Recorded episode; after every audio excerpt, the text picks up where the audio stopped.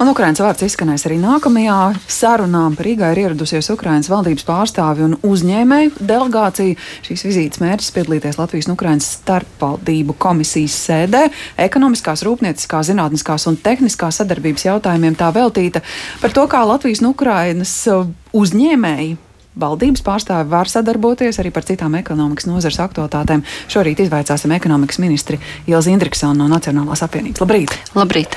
Un sāksim tieši par Ukraiņu delegācijas viesošanos uh, ar tīri praktisku skatījumu. Kas ir tas atbalsts, uh, tā palīdzība, ko viņi šobrīd sagaida? Varbūt jau konkrēti iezīmē, ko Latvija varētu dot, laikam jau domājot par Ukraiņas attīstību, par Ukraiņas atjaunošanu.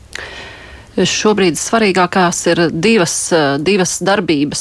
Pirmkārt, sniegt palīdzību nepārtraukti tām vajadzībām, kas viņiem ir šobrīd kara apstākļos, ko noteikti Latvija arī turpinās visos iespējamos veidos. Bet eh, no tautsēmniecības viedokļa Ukraiņi norāda, ka viņiem ļoti būtiski nodrošināt tautsēmniecības darboties spēju un savienojumu iespējas. Tas nozīmē, lai viņu tautsēmniecības saražotais nonāktu tirgu, nonāktu Eiropas tirgu un noteikti, ka tas ir arī jautājums par loģistiku, transporta iespējām. Tā ir tāda viena primāra vajadzība. Otrs, otra daļa ir nākotnē vērstā daļa, kur mēs iepriekš arī cieši sadarbojamies. Un šobrīd, lai palīdzētu viņiem faktiski uh, sarunās ar Eiropu un arī tā fiziski nokļūt Eiropā, tas nozīmē ieviest gan tehnoloģijas, gan prasības, gan standartus, uh, faktiski uzlabot sadarbību. Viņiem arī ir liela interese par uzņēmējdarbības vidas pilnveidošanu, jo, protams, viņiem ir pavis, pavisam savādāka situācija. Tas nozīmē, tās ir gan uzņēmēja atbalsta programmas, noteikti arī uh, mūsu pieredze industriālo teritoriju attīstībā un arī digitalizācijas jautājumu. Jā, un šajā delegācijā organizācijā jau ir um, arī uzņēmēji, kā minējām, un um, kāda ir mūsu uzņēmēju interese par sadarbību, par kaut kādu iesaistīšanos? Nu, cik, cik gatavi viņi ir šobrīd šajā situācijā, varbūt par kaut ko jau domāt un runāt? Jā, šobrīd mūsu uzņēmējiem ir ļoti liela interese. Ir vairāk kā 130 uzņēmēji ir pieteikušies piedalīties šajā seminārā, bet tur arī, protams, ir uzņēmumi, kas atbalsta Ukrainu un kam vienkārši ļoti svarīgi un, un kuriem ir interese uzzināt, kā Ukrainā klājas viņu kolēģiem un, un kā vēl varētu palīdzēt. Protams, ir gatavība atbalstīt un, un piedalīties Ukrainas atjaunošanā gan šobrīd iespēja robežās, gan pēc kara. Un tas arī, protams, prasa sagatavošanos, lai uzņēmēji saprastu, kas būs vajadzīgs un tieši kurā brīdī un kā to nodrošināt.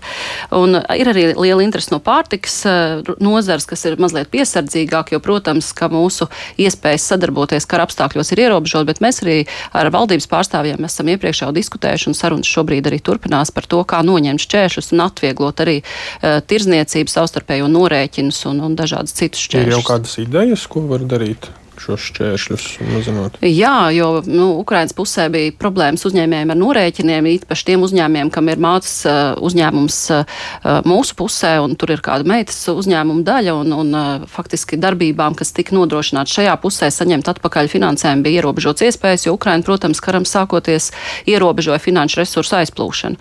Bet es saprotu, ka ir laba ziņa, ka šie risinājumi tiek meklēti Ukraiņas pusē, un mēs ļoti ceram, ka drīz tie arī būs. Savukārt, jau skatoties soli tālāk, tā valsts atjaunošana neapšaubām saistās arī ar būvniecību, bet uh, par mūsu pašu būvniecības nozari finanšu ministrs ir izteicis bāžas, norādot, ka tā kapacitāte un vairākas citas problēmas ir saistīts ar to jautājumu, kā tad būs, vai mēs spēsim izmantot Eiropas Savienības fondu piedāvātās iespējas. Kā jūs redzat, kas ir tās problēmas būvniecībā, kur no ministrijas, no valsts puses varētu iesaistīties un kur izsnāt? Eh, šobrīd noteikti mēs arī regulāri tiekamies. Mums ir arī konsultatīvā būvniecības padome, ar ko mēs strādājam, kur ir visas nozars pārstāvēts. Eh, būvniecības nozara ļoti vēlējās saņemt eh, datus un informāciju, kāda ir plānota tieši darbi viņu sektorā saistībā ar Eiropas fondiem. Šī informācija no Finanšu ministrijas ir iegūta, un tāpēc varbūt arī radusies tāda, varētu teikt, neliela, neliela trauksme nozarē, kura vairākus ceturkšņus vai faktiski gadu jau ir lejupslīdē. Un būvniecības nozars problēma, protams, ir šie būvniecības apjomu samazinājumi jautājumi. Arī tas, ka būvniecības nozara ir, varētu teikt, mazliet tāda izplūkāta sadarbības, iekšējās sadarbības problēmu dēļ, jo, protams, mums ir daudz bijuši arī ar būvniecības nozara skait, skait, tādi saistīti skandāli Šis pats kartelis ir arī, protams, rūkta pieredze apakšuzņēmēju un ģenerālu uzņēmēju sadarbībā. Un šobrīd svarīgi ir eh, sarunāties, vienoties par kopīgiem nosacījumiem. Noteikti resursu pieejamība arī ir jautājums eh, gan darbspēka ziņā, bet nu, šobrīd mēs redzam, ka nedaudz pieaug vakants būvniecības sektorā, bet tās nenorāda uz lielu darbspēku iztrūkumu šobrīd. Bet, protams, zinot tos apjomus, kas būs jāapgūst tuvāko gadu laikā, darbspēka pieejamība būs izšķiroša. Un te nu, noteikti ir vieta, vieta sarunai, kā to vislabākajā veidā risināt.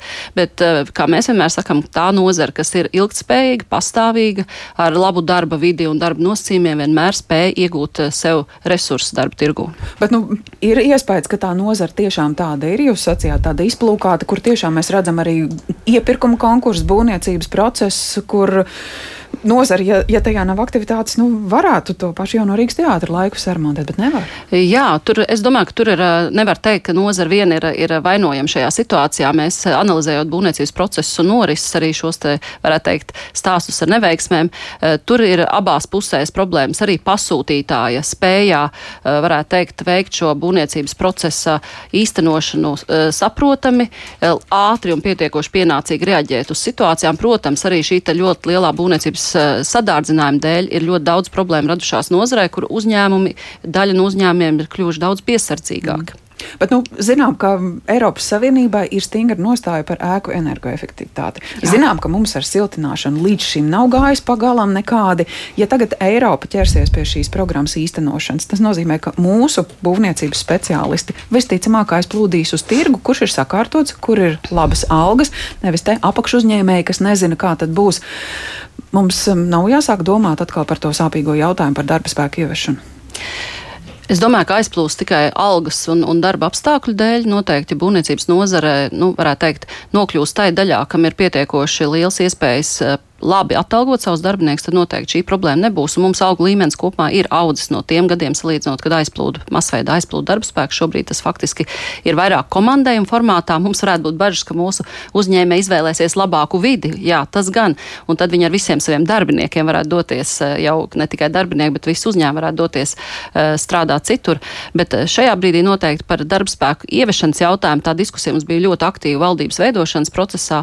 Mēs esam konstatējuši, ka mūsu regulējumi regulējums un mūsu nosacījumi, kā var ievest eh, darbiniekus no trešajām valstīm ir faktiski uh, pat ātrāki un, un, un saprotami un ļoti vienkārši, salīdzinot ar arī Lietuvu un Igauniju. Mums, uh, ja visu dara tā, kā ir teikts, var ātrāk pat šo procesu nodrošināt.